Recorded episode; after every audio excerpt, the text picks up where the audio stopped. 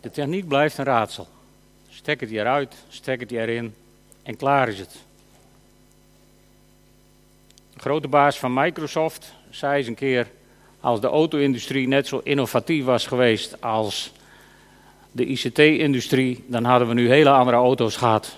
Toen antwoordde een van de directeuren van Ford: jazeker, want dan hadden heel veel auto's langs de snelweg gestaan om even uitgedaan te worden en vervolgens weer opgestart en weer verder te rijden.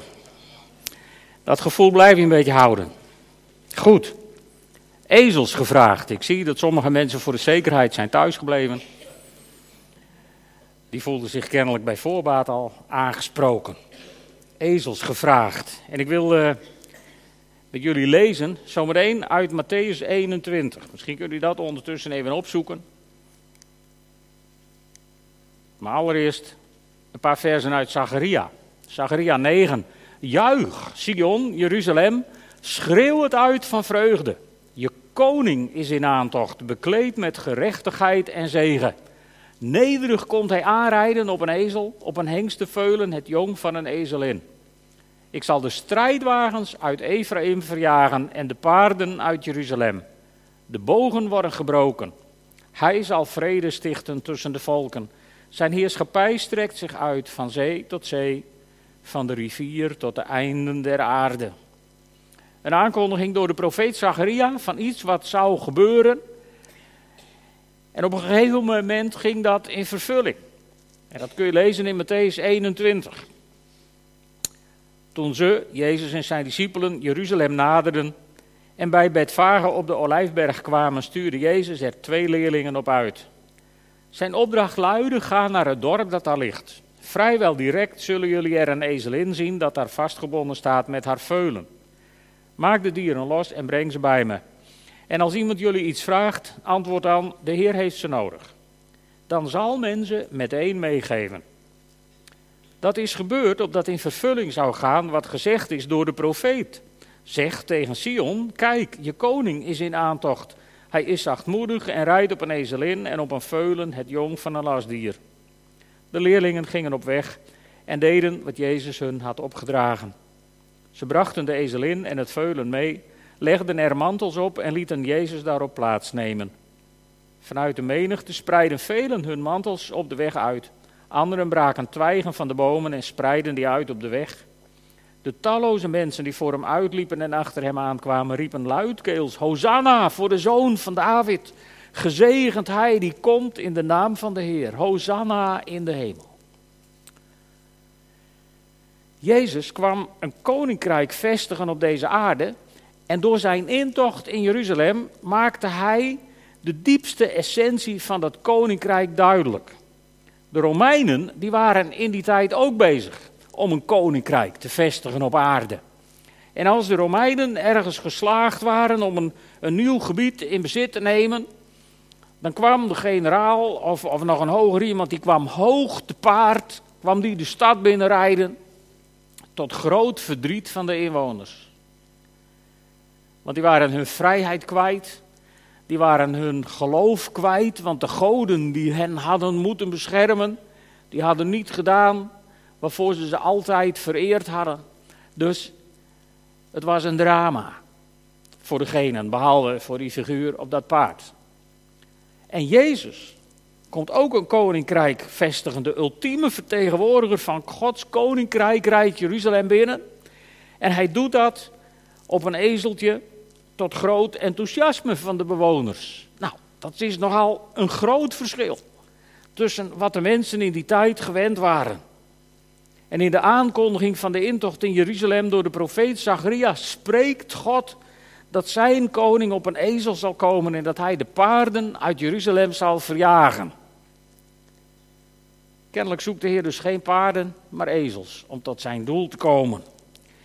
En dan zou de vraag zijn: wilt u nou een paard zijn of een ezel? Maar daarvoor moeten we ons even in de tegenstelling verdiepen. Want wat, wat zegt de Bijbel over paarden?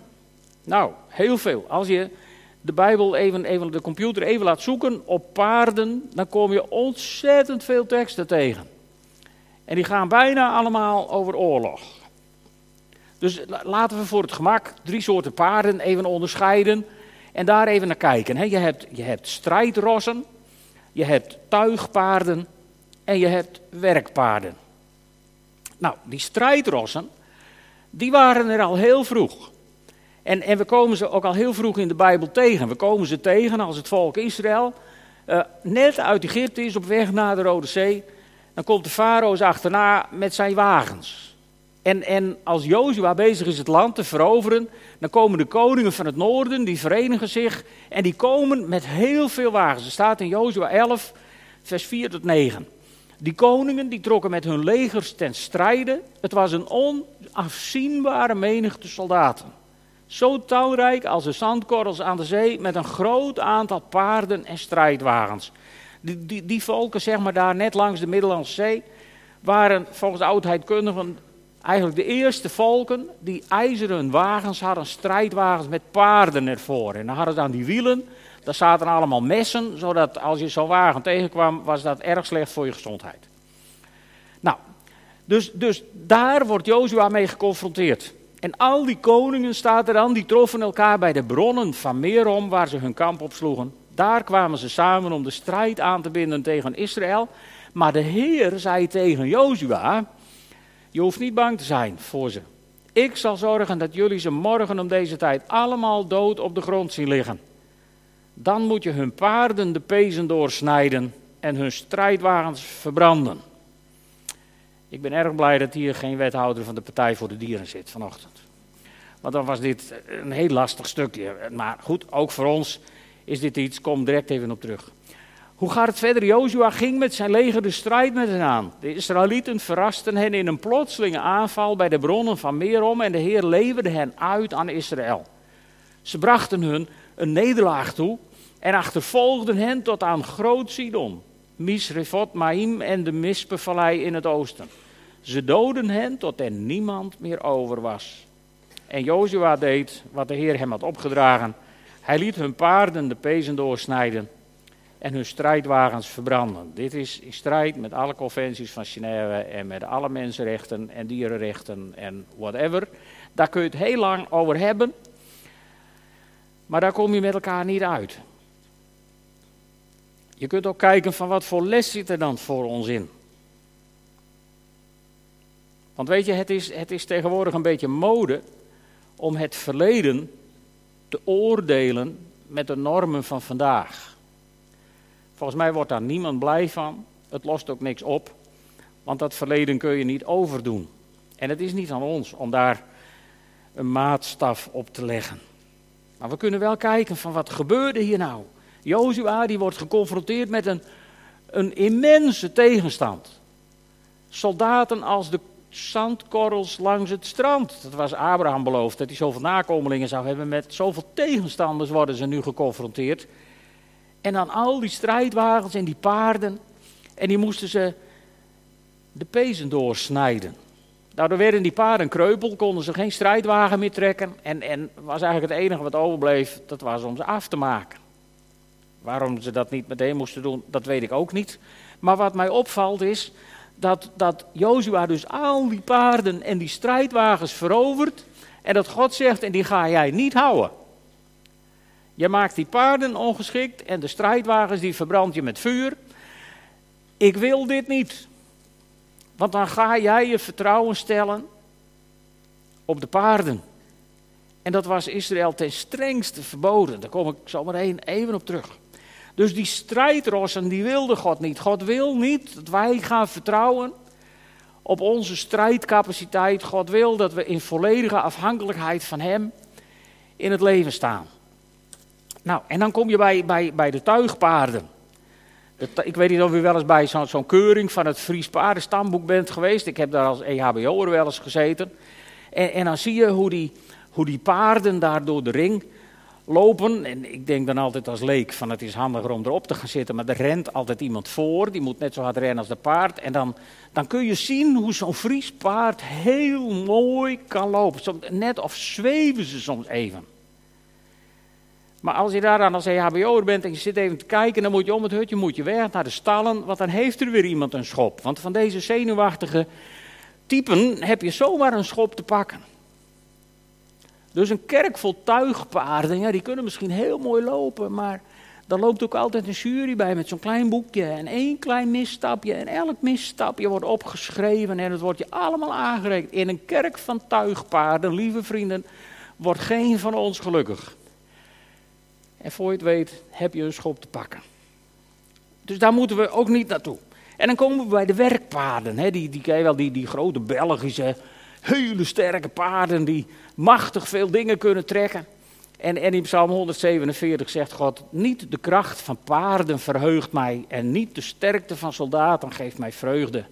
Vreugde vindt de Heer in wie hem eren en wie hopen op zijn liefde en zijn trouw.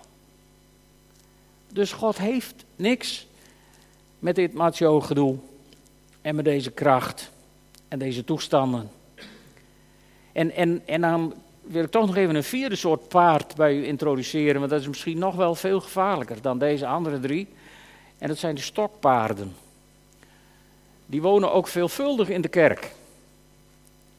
Kleine stukjes uit het evangelie wat tot hoofdzaak wordt verheven en waar je ongelooflijk mee om de oren geslagen kunt worden en waar je, waar je op kunt blijven hangen, waardoor je de genade van God af en toe gewoon uit het oog verliest. En mocht je denken, oh ja, zo'n ding heb ik ook nog ergens op stal staan, zo'n stokpaard. Nou reken ermee af en doe het weg en pas op dat ze zich niet tegen je keren. Nou, veel meer aandacht wil ik aan die paarden niet besteden, want kennelijk heeft God dus iets tegen paarden. Als we even naar Zacharia teruggaan, God heeft een paardenprobleem. In 9 vers 10 zegt God, ik zal de strijdwagens uit Ephraim verjagen en de paarden uit Jeruzalem. En in hoofdstuk 10, vers 5, daar zegt hij: Krijgshaftig zullen ze in de strijd de vijand in het slijk vertrappen. Ze zullen overwinnen, want de Heer staat hen bij. Maar zij die hoog te paard zitten, gaan roemloos ten onder. En in hoofdstuk 12, vers 4, dan zegt de Heer: Op die dag maak ik de paarden schichtig en saai ik paniek onder hun bereiders. Terwijl ik de paarden van de vijand verblind, zullen mijn ogen over het volk van Juda waken. Dus goed, geen paarden. Nou, dan maar ezels. Maar waarom dan ezels? Ja, de Bijbel zegt ook heel veel over ezels. Als je je computer even laat zoeken op ezels in de Bijbel, dan kom je er onnoemelijk veel tegen. Onnoemelijk veel. Om te beginnen is een ezel vaak vermeld bij mensen om hun rijkdom aan te geven. Als je over Abraham leest in Genesis 24, vers 35, daar, eh, daar staat de Heer heeft mijn meester overvloedig gezegend, zodat hij rijk is geworden. Hij heeft hem schapen, geiten en runderen gegeven, zilver en goud, slaven en slavinnen, kamelen en ezels. staat geen paard tussen. En, en even later gaat het over Jacob, twee generaties verder. Jacobs bezit werd groter en groter. Hij kreeg niet alleen veel schapen en geiten, maar ook slavinnen en slaven en kamelen en ezels. Dus het was, het was iets wat in de Bijbel genoemd werd om aan te geven hoe rijk de mensen waren. We hebben een tijd gehad dat, dat, dat, dat wij in de straat onder elkaar erover waren. Nou, die daar, die hebben wel twee auto's voor de deur staan. Dat is tegenwoordig al niet meer een uitzondering, dus dat gaat al niet meer op. Maar, maar wij hebben mensen hun, hun, hun voorspoed meten wij al gauw af aan, aan de ezel op vier wielen die er voor de deur staat. Nog steeds. En zo'n transportmiddel was die ezel een belangrijk bezit. En, en, en daar geeft God ook nog een aantal regels voor. Het is uitzonderlijk dat in de tien geboden de ezel wordt genoemd. Zet uw zinnen niet op het huis van een ander, even midden op zijn vrouw, op zijn slaaf, zijn slavin, zijn rund of zijn ezel, of wat hem ook maar toebehoort. Wordt specifiek genoemd. En als je pech kreeg met je ezel, dan schreef de Bijbel voor dat mensen die je tegenkwamen, die moesten je komen helpen. In Exodus 23, vers 5, als je ziet dat de ezel van iemand met wie je in onmin leeft, ook dat nog, hè, het is lastig af en toe, maar de ezel van iemand die je niet kunt luchten of zien, als die bezwijkt onder zijn last, zegt de Bijbel, dan mag je niet werkeloos toezien, maar dan moet je hem met één de helpende hand bieden. Wauw. Die ezel. Die ezel had een hele bijzondere positie in de Bijbel. En het wordt nog bijzonderder. Want Het volk Israël kreeg de, de opdracht van God om, om een tiende van hun oogst en van hun, hun, hun dingen naar, naar het heiligdom te brengen. En het eerstgeborene van al hun dieren. Op één uitzondering na. De eerstgeborene ezel, die moest worden vrijgekocht met een schaap of een geit. En de eerstgeboren zoon. Niet om ze door elkaar te halen, let op. Maar toch, er is enig verband tussen je eerstgeboren ezel en je eerstgeboren zoon. Beide moest je ze vrijkopen en mochten ze niet aan de Heer geofferd worden. Zo belangrijk waren ze dus kennelijk voor God. En wat ik nog een hele mooie vind over ezels, en dan houden we op met die, uh, dat zoeken van al die teksten over ezels, maar, maar een ezel is kennelijk trouw. In Jesaja 1, vers 3, daar zegt God, het rund herkent zijn meester, een ezel kent zijn voederbak, maar Israël mist elk inzicht. Mijn volk leeft in onwetendheid. Nou, dat is, dat is geen compliment. Laat ik het zo maar zeggen. En, en, en wat hier wel staat, ik heb er ook boven gezet, weet waar je eet. Ik weet niet of u dagelijks eet, ja wel, wel fysiek, maar ik weet niet of u gewend bent om dagelijks ook geestelijk te eten. Is het je gewoonte om elke dag bij de voederbak van de meester te zijn en te eten? Weet je waar je je geestelijk voedsel haalt? Is de Bijbel in jullie leven nog een boek wat dagelijks openkomt? Wat misschien bij de maaltijd nog wordt gelezen. Het zijn uitstervende tradities, maar het is zo zonde dat dat verdwijnt. Hoor jij nog bij de ezels of de runderen die dagelijks eten uit de krib van de meester?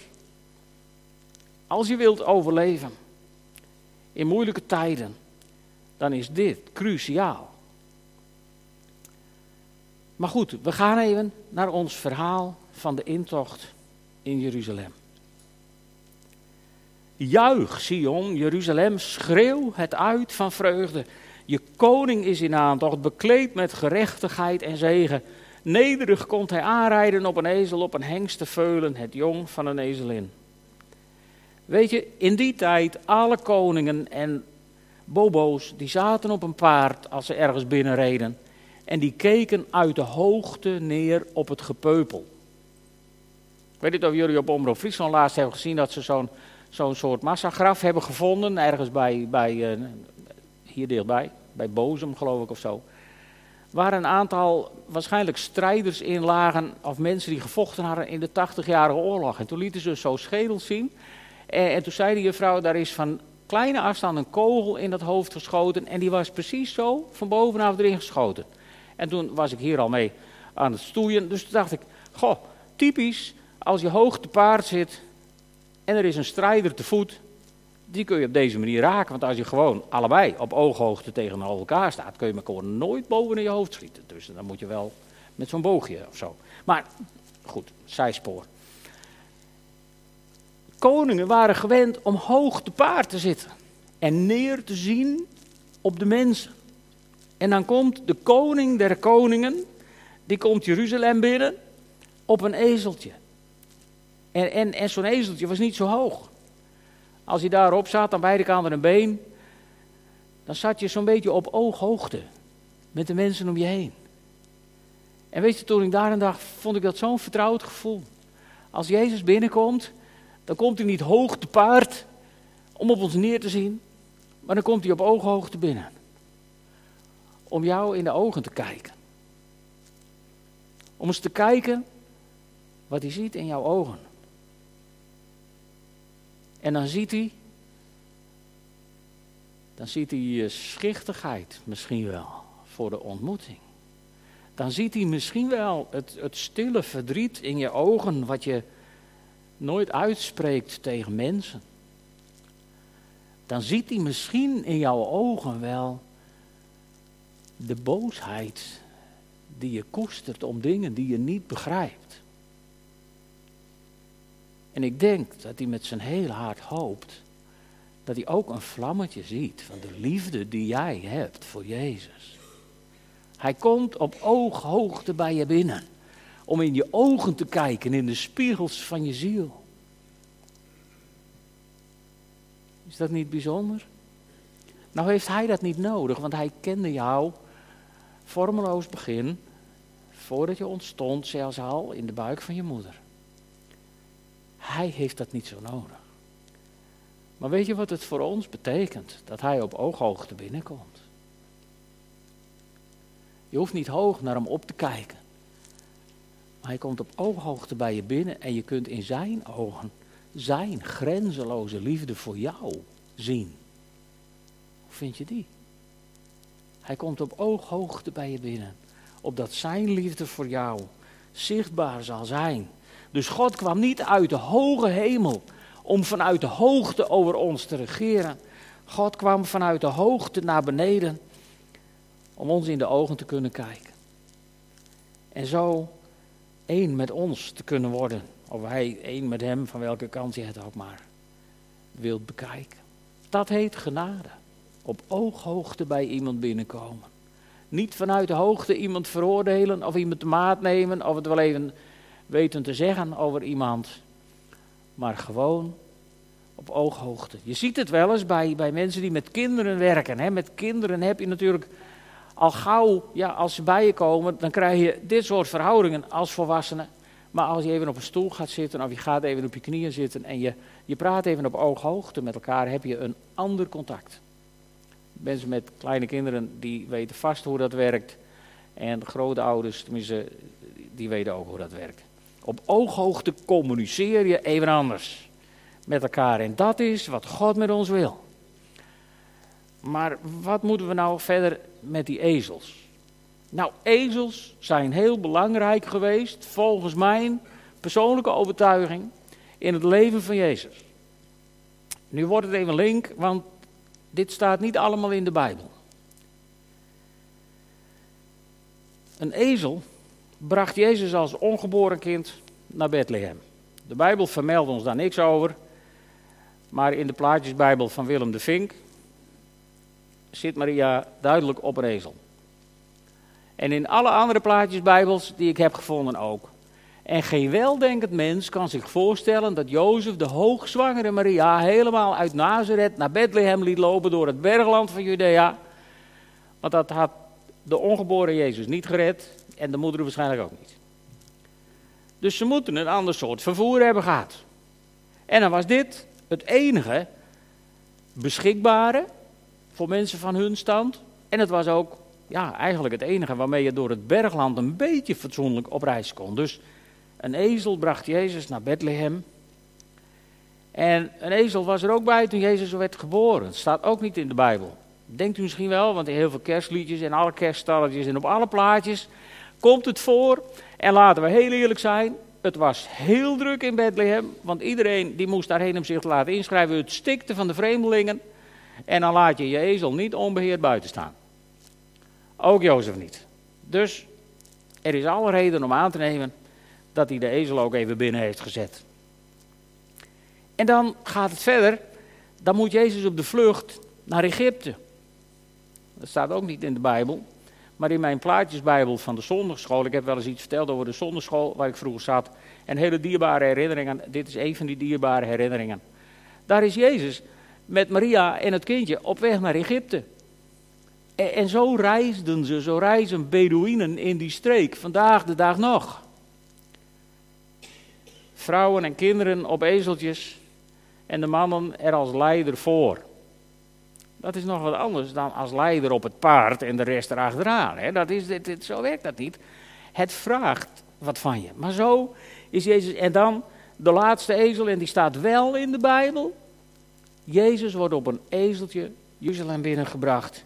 Om daar voor jou en mij het ultieme offer te brengen. Zodat wij op ooghoogte met God kunnen zijn. En Hem vol vertrouwen, zonder schuldgevoelens en zonder angst voor oordeel recht in de ogen te kunnen kijken.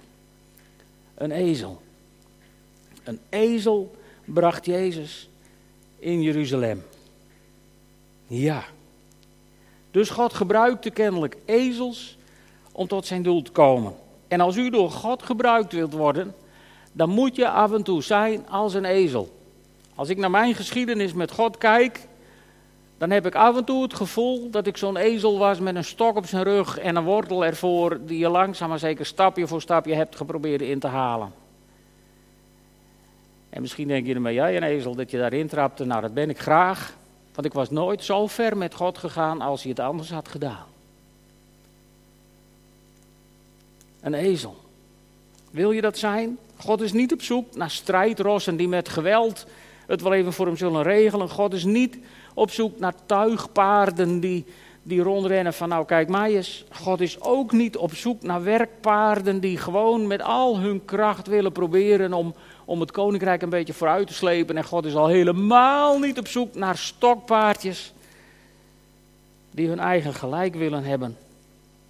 God is op zoek naar ezels. En weet je, zo dom is een ezel niet. Het Nederlandse spreekwoord zegt nog altijd: een ezel stoot zich in het gemeen niet tweemaal aan dezelfde steen. Dus kennelijk alle anderen wel. En uh, het is ook bekend dat een ezel soms hele wijze dingen kan zeggen. Zelfs eerder engelen ziet dan de bereider. Kijk maar naar het verhaal van Biliam en Numeri. En de vraag vandaag is: wil je een ezel zijn om Jezus binnen te brengen op plaatsen waar hij nodig is? Er zijn in jouw omgeving net zoveel plekken, net zoveel mensen die een aanraking van Jezus nodig hebben als om mij heen. Daar worden we allemaal mee geconfronteerd. En die mensen zitten niet te wachten op iemand die ze het koninkrijk wel even door de strot duwt. Die mensen zitten waarschijnlijk helemaal niet eens op Jezus te wachten. Maar die zitten misschien wel te wachten op een ezel die Jezus op ooghoogte even binnenbrengt. Zodat er contact kan zijn. Zou jij zo'n ezel willen zijn die misschien wel tegen je buurvrouw of je buurman of misschien op je werk in deze paastijd wel plotseling iets gaat zeggen over wat Pasen voor jou betekent. Dat kan heel eng zijn, hè? want mensen kunnen je gaan uitlachen en mensen kunnen zeggen, ja, geloof jij dat nog? En doe jij daar nog aan? En bla bla. Vandaag is er in Friesland, ik weet in ieder geval van één dorpje waar familie van mij woont, daar is het hele dorp eh, af, afgesloten, want daar is een grote optocht met palmpasen en, en bijna geen hond gelooft daar meer en niemand gaat naar de kerk, maar dit doen we wel. En weet je, ik denk dat je pas een ezel bent als je met zo'n stok en zo'n haan erop door de straat loopt. Ik zou liever die ezel zijn die Jezus binnenbrengt. Op die plekken waar zijn verlossing nodig is. En als je dat ook zou willen, dan mag je met mij solliciteren. Zullen we gaan staan en een moment bidden? Weet waar je aan begint. Vader in de hemel. We hebben soms allemaal de neiging om een strijdros te zijn, of een tuigpaard, of een werkpaard. En we hebben allemaal onze stokpaardjes die we koesteren en die ons dierbaar zijn geworden. Maar Heere God, als u iemand zoekt om Jezus zichtbaar binnen te brengen in een situatie of in een mensenleven.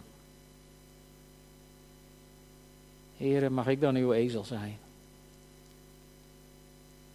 Wilt u mij dan gebruiken als messiaans transport?